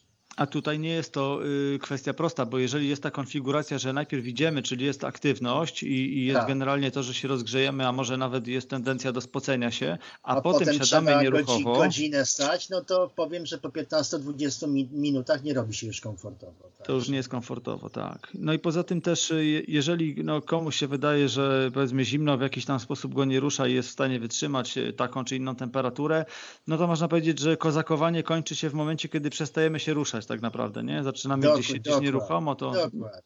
nie ma tutaj No i najczęściej marzną stopy i ręce i dłonie. To jest chyba taki A najbardziej newralgiczny. Z ciekawości pomagałeś się, testowałeś kiedyś e, nowe technologie, jakieś ogrzewacze tam do butów chemiczne, inne tak, tego typu powiem, rzeczy? że w ubiegłym roku y, zakupiłem sobie te chemiczne ogrzewacze i powiem, że jest to naprawdę bardzo, bardzo rozsądna forma rozgrzewki za naprawdę w miarę rozsądne pieniądze. Także to polecam. Bo kiedyś miałem taką, taki podgrzewacz na benzynę ekstrakcyjną, ale to mhm. mi się za bardzo nie, nie, nie, nie podobało, bo to niestety jednak y, ta benzyna w tym katalizatorze się spalała, no i ten zapaszek taki specyficzny tam cały czas się, cały czas się ulatniał. Także to nie, bardzo, nie za bardzo mi to odpowiadało. A te podgrzewacze chemiczne te żelowe mi nie pasują, to, to jest chyba niepotrzebnie wydany pieniądz, ale te chemiczne, o których wspominałeś, ja osobiście po używaniu przez jeden sezon naprawdę polecam. Dobra, to też odnotowujemy. Mała, mała saszetka, także można do rękawiczki wsadzić do buta, także. A jak wiesz, że idziesz i, i, trochę posiedzieć na, na zimnie, to zabierasz ze sobą chociażby, no wiesz, nieśmiertelny termos? Bo tutaj nowoczesne technologie technologiami, no ale pytanie, czy... Powiem czy, czy tak, biorę, ale no jednak jak jest bardzo zimno, no ten termos na pewno na jakiś czas yy, starcza. No ale po jakimś czasie, no niestety trzeba, jakby to powiedzieć, no się wysikać. No i się zaczynają problemy. Także ja ewentualnie, jeżeli nie muszę, no to staram się tych płynów jak najmniej po prostu przyjmować w tym czasie, no żeby potem nie mieć problemów z naturą. Z tej kwestii jakby samej organizacji takiego przykładowego pleneru, no to w zasadzie do tego się to sprowadza. Dojeżdżamy, dochodzimy, instalujemy się tam, gdzie chcemy dotrzeć. Przychodzi ten optymalny czas, wtedy jest czujność, wtedy działamy, fotografujemy albo i nie, bo różnie bywa. No i, i co? I odwrót. No, dokładnie I po, tak. I po wszystkim. I albo coś niesiemy z, ze sobą na karcie, albo i nie. Dokładnie. Ale ja na aparacie w zasadzie nie oglądam zdjęć, ja dopiero je oceniam na monitorze, bo y, monitor w aparacie jest dla mnie troszeczkę złudny, troszeczkę przekłamuje kolory, y, ostrość niedokładnie można oszacować na monitorku. Także dopiero y, jak zgram materiał na komputer, dopiero wtedy ewentualnie jestem albo zadowolony, albo mniej zadowolony, albo wcale nie zadowolony. A jeszcze dotykając tych technikaliów, jak jesteśmy przy, przy aparacie, przy sprzęcie, masz jakieś swoje wypracowane, nazwałbym to tak, y, ustawienia, na jakich fotografujesz? Zawsze y, autofokus w przypadku zwierząt?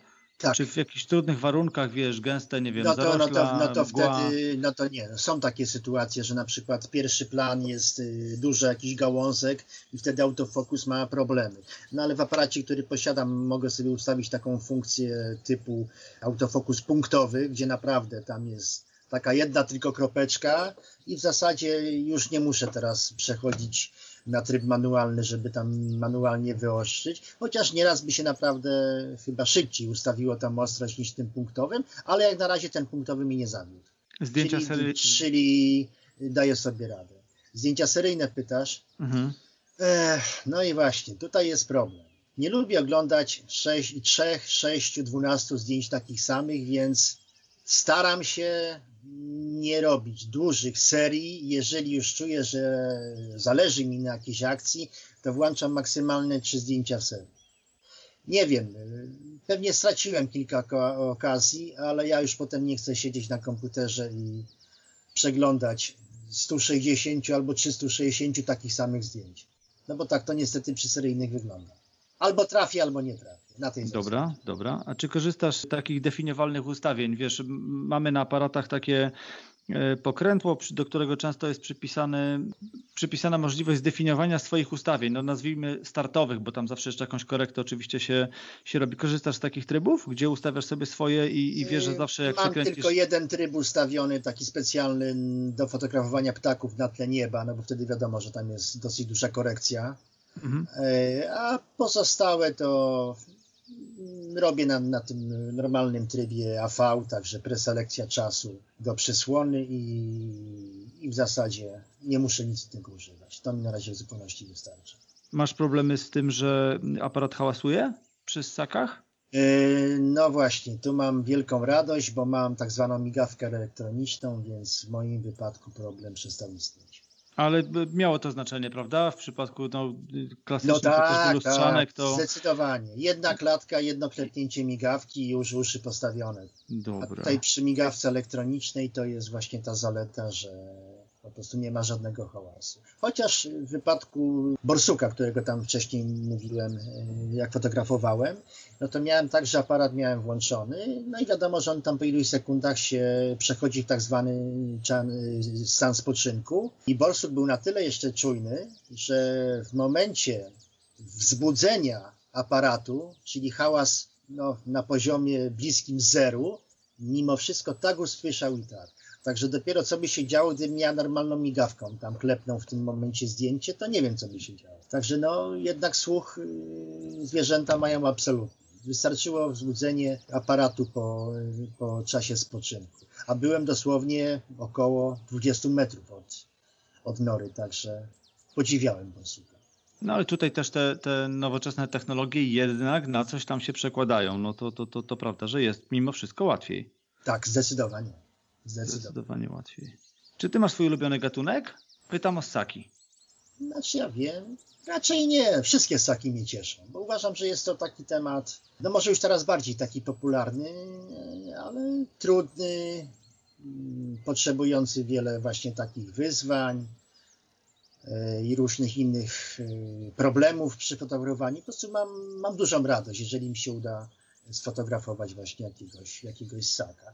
Znaczy ulubiony, no ewentualnie łoś, tak zwany gamon, czyli tak, taki łoś, który tak takim sierskim, anielskim wzrokiem patrzy na ciebie i w zasadzie nic się nie dzieje, stoi taka sierotka. I tak to raczej, mówię, wszystkie, wszystkie ssaki mnie bardzo, bardzo cieszą. Zmierzając powoli do końca, y, chciałem zapytać Cię o to, co no, od paru lat już y, pojawiło się, na, no, tutaj użyję takiego słowa, tym komercyjnym, takim rynku fotograficznym, czyli o komercyjne czatownie, z których można fotografować.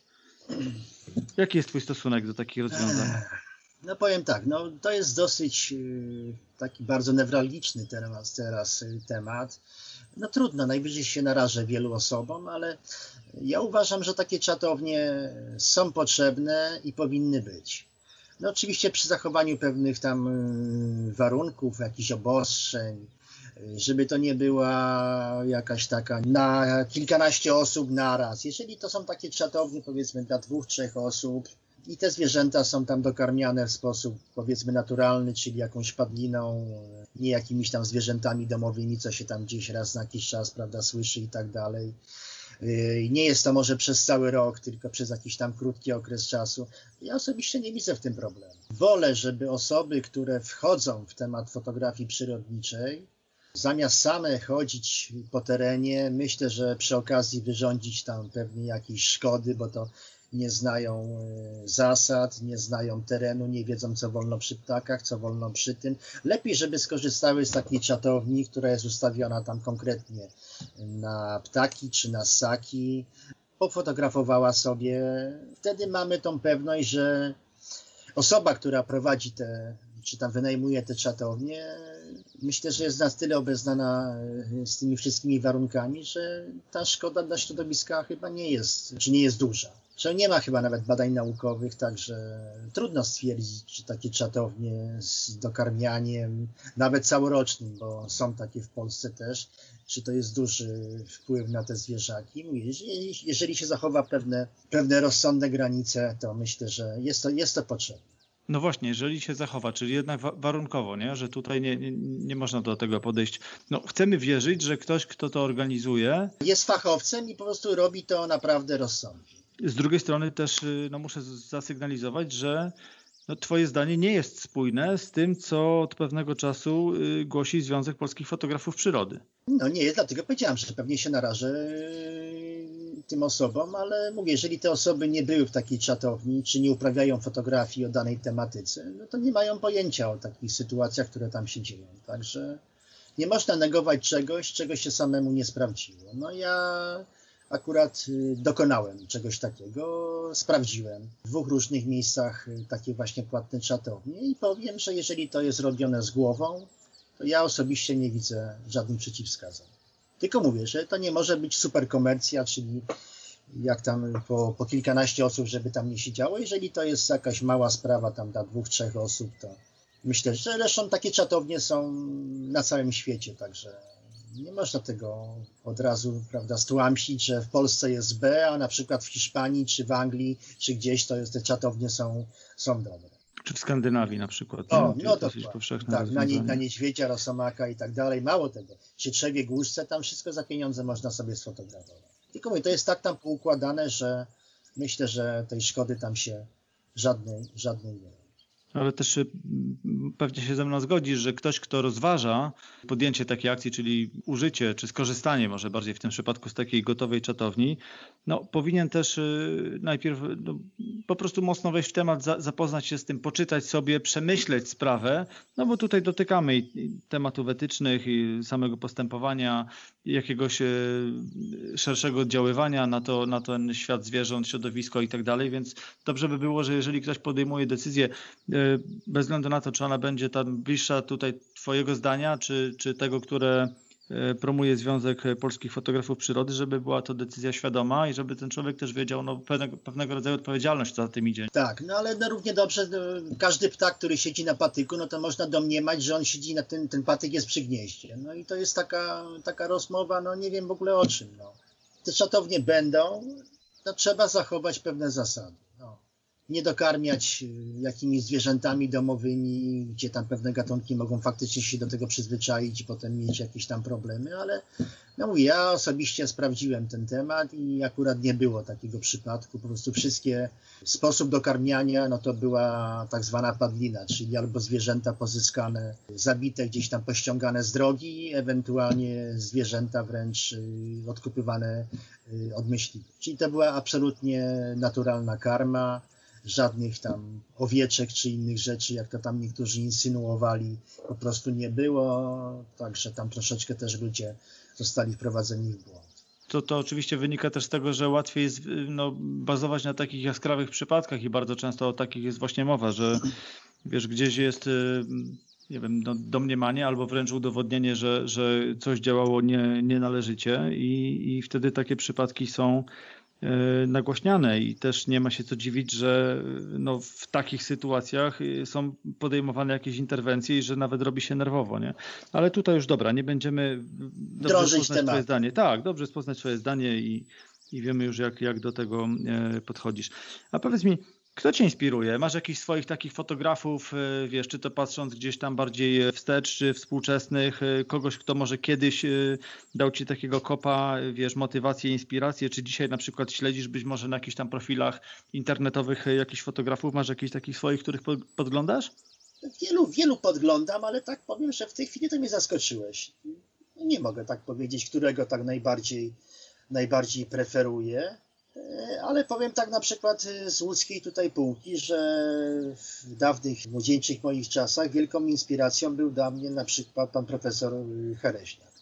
Tam do niego nawet chodziłem na jakieś konsultacje ze swoimi zdjęciami, także on to była chyba pierwsza osoba, która tak troszeczkę, troszeczkę głębiej mnie tam w te arkany fotografii przyrodniczej wprowadziła. Fakt, że to może były takie tematy Y, które mniej fotografuje, czyli krajobraz, y, drzewa, rośliny, ale to chyba taka jedna, jedna z tych pionierskich, z pionierskich osób, tutaj mówię z łódzkiego, z łódzkiego rynku. A tak w zasadzie, no tak wszystkich po trochu oglądam. No, trzeba oglądać, trzeba podpatrywać, trzeba patrzeć, co inni fotografują, domyślać się, jak oni to sfotografowali, no i swoje wnioski wyciągać, nie mówię, żeby ich naśladować, absolutnie. Myślę, że każdy powinien jakąś własną ścieżkę, ścieżkę wypracować. Mnóstwo mamy zdjęć, jak to mówią u nas koledzy w fachu, atlasowych, tak? Czyli jest gałązka, jest ptaszek, ma być piękne tło.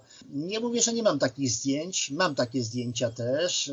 Myślę, że jak się będzie okazja, też pewnie będę robił, ale powiem, że te zdjęcia nie dają mi takiej dużej radości, takiej dużej satysfakcji.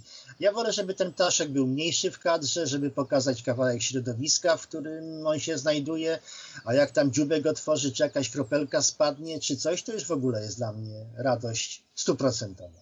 A jakbyś miał dać jedną radę początkującym fotografom, którzy no, chcą wejść w takie trudne tematy jak ssaki. No bo to są trudne tematy, wiesz, no, tutaj trzeba, trzeba być tropicielem, y, trzeba mieć no, nieziemską cierpliwość, wyczucie, intuicję wręcz czasami nos, wiesz, no to ostrożność daleko posunięta, techniki maskowania, wszystko razem do kupy. Ca cała jakby sztuka tak. No taka esencja fotografii no, przyrody. Na pewno, na pewno problemem będzie, będzie długa ogniskowa, czyli obiektyw. No, to jest taka pierwsza bariera. No, większo dla większości osób takim maksymalnym obiektywem no, to jest 300 mm.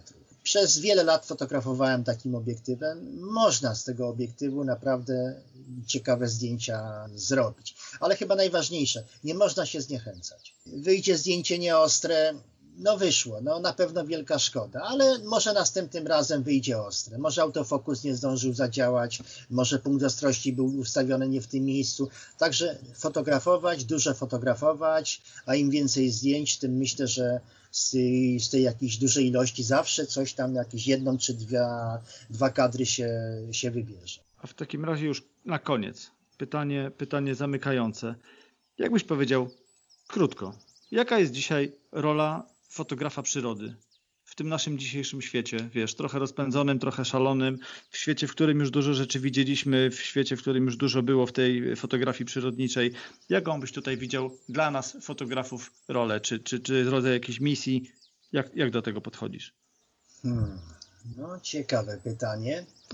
Ja nie, ja nie mówię o wszystkich, ale ja na przykład mówię o sobie. troszeczkę tam się bawię w tą edukację, czyli gdzieś tam te zdjęcia próbuję udostępniać, jeżeli w celach takich edukacyjnych, to faktycznie za darmo. E, gdzieś tam e, publikuję zdjęcia do artykułów, czy w Salamandrze, czy w innych jakichś periodykach. Też współpracuję z ornitologami na Uniwersytecie Łódzkim. Też ta fotografia ornitologiczna, dokumentacyjna jest tam potrzebna do różnych, do różnych rzeczy, do różnych publikacji. Także ta fotografia też powinna spełniać taką rolę popularyzatorską. Wręcz nawet są takie tematy. Teraz troszeczkę tam zacząłem współpracę z Komitetem Ochrony Orłów. Także. Błotniaki, nie błotniaki? Błotniaki i różne inne tam sprawdzanie gniazd lęgowych i tak dalej. No i tak przy okazji no wychodzą troszeczkę smutne rzeczy nieraz, no ale no takie jest życie, także ale Także mówię, no, fotograf przyrody to nie jest tylko stricte właśnie od y, wrzucania zdjęć na Facebooka, jak to większość pewnie teraz wiesz myśli. No troszeczkę szerzej trzeba, trzeba się z tymi zdjęciami gdzieś upubliczniać. Y, powiem jeszcze jedno, na przykład mam swoją stronę internetową i od dłuższego czasu zauważyłem, że chyba wszystko faktycznie to się jakoś tak y, zamyka i to wszystko chyba teraz się skupiło na Facebooku, na Instagramie i jeszcze pewnie jakichś takich mediach, bo już na takie rzeczy właśnie typu strona www, to sądząc tam, jak kiedyś niedawno sprawdzałem z ilości odwiedzin, to w zasadzie to już chyba przestaje mieć sens. No chyba, że tylko dla prestiżu taką stronę trzymać. No wiesz, to, to w takim razie sztuką jest tylko jakby umieć wykorzystywać te media, które są teraz no, łatwe i popularne, powszechne, gdzie można też mieć dostęp do naprawdę dużych y, grup ludzi, no to po prostu wykorzystywać je z głową i, i jeszcze przemycić trochę coś poza samą fotografią, właśnie trochę, trochę jakiejś treści, chociażby jak powiedziałeś, edukacyjnej.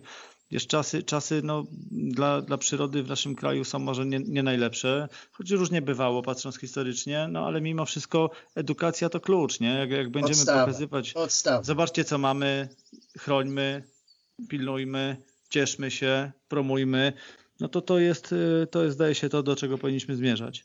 No i też myślę, że mm, przynajmniej niektóre nasze zdjęcia pokazują jakąś ciekawą sytuację, ciekawy gatunek osobom, które na przykład no, z pewnych różnych dziwnych względów no nie mogą. One by chciały pójść w teren, a no nie wiem, czy zdrowotnie, czy w inny sposób po prostu są uziemione w domu. Także no, dla takich osób to też jest wielka radość, oglądając jakieś zdjęcia. Otwieramy takie okienko na świat przyrody, nie? Tak, dokładnie, żeby pokazać Wiesz, ludziom, albo nie mają takiego zaparcia, żeby rano pójść coś w terenie zobaczyć, Także to właśnie to też jest popularyzacja fotografii przyrody. Z drugiej strony mamy taką, y, no, może bardziej czy mniej formalnie nazywamy sobie pewną kategorię tej naszej fotografii przyrodniczej dość wymownie świat w naszych rękach. Tak, no to z kolei taka najbardziej ekologiczna, prawda, y, działka tej fotografii i tutaj też mamy możliwość pokazania, no jak dzisiaj często wygląda ta relacja człowiek-natura. No, nie no zawsze ty, jest kolorowo, nie?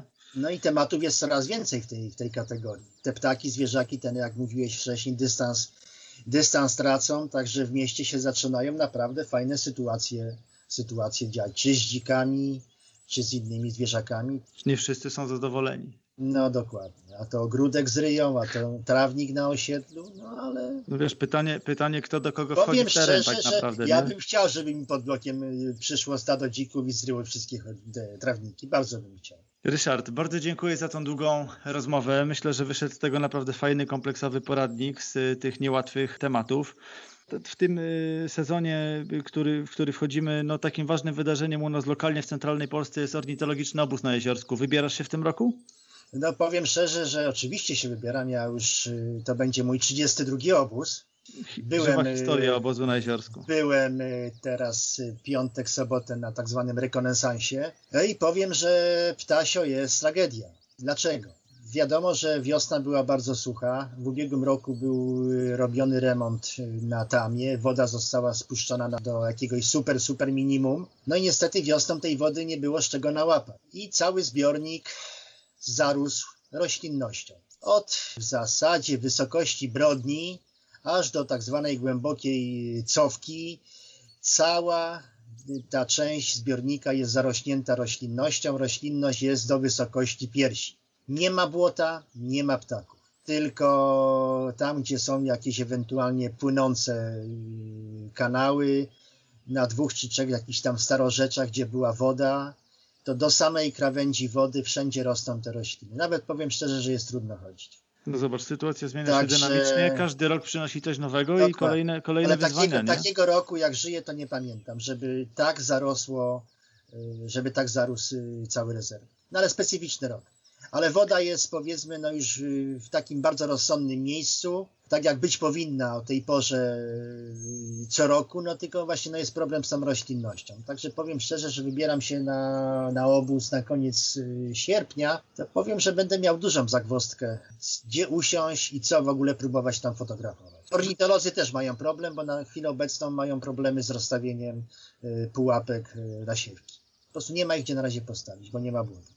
Zobaczymy, co z tego wyjdzie. W takim Ale razie. bądźmy, bądźmy dobrej myśli. Dobrej myśli. W takim razie życzę Ci powodzenia. Raz jeszcze bardzo dziękuję za, za tą rozmowę. Ja również, Michał, dziękuję za zaproszenie i serdecznie pozdrawiam wszystkich, którzy mnie ewentualnie wysłuchali i wy- wysłuchają do końca. Dziękuję.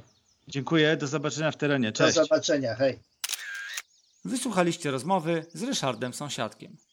Dokładając jego cenne i trafne wskazówki do bogatej bazy wiedzy, jaką dostaliście w pierwszych poradnikowych i kolejnych technicznych, ale także tematycznych odcinkach tego podcastu, dysponujecie wszelkimi narzędziami, aby w ramach rozsądnych terenowych działań mierzyć się z fotografią ssaków, chociażby w czasie nadchodzącego rykowiska jeleni.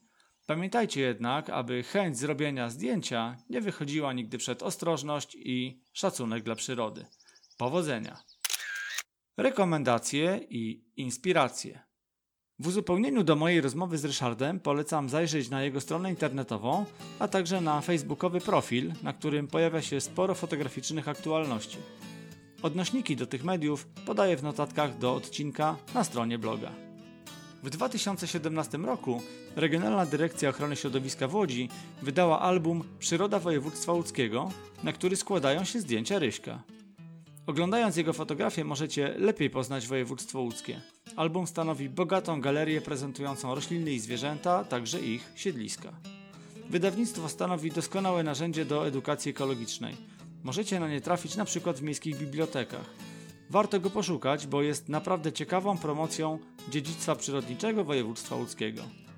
Jako swoją inspirację Rysiek wymienił Janusza Hereźniaka, naukowca, profesora biologii, specjalistę geobotaniki, ekologii roślin i dendrologii, a także artystę fotografika. Profesor był pracownikiem naukowym Uniwersytetu Łódzkiego, członkiem Komitetu Botaniki Polskiej Akademii Nauk i Komitetu Ochrony Przyrody Polskiej Akademii Nauk. Był współautorem projektu i wielkim orędownikiem powołania Jurajskiego Parku Narodowego.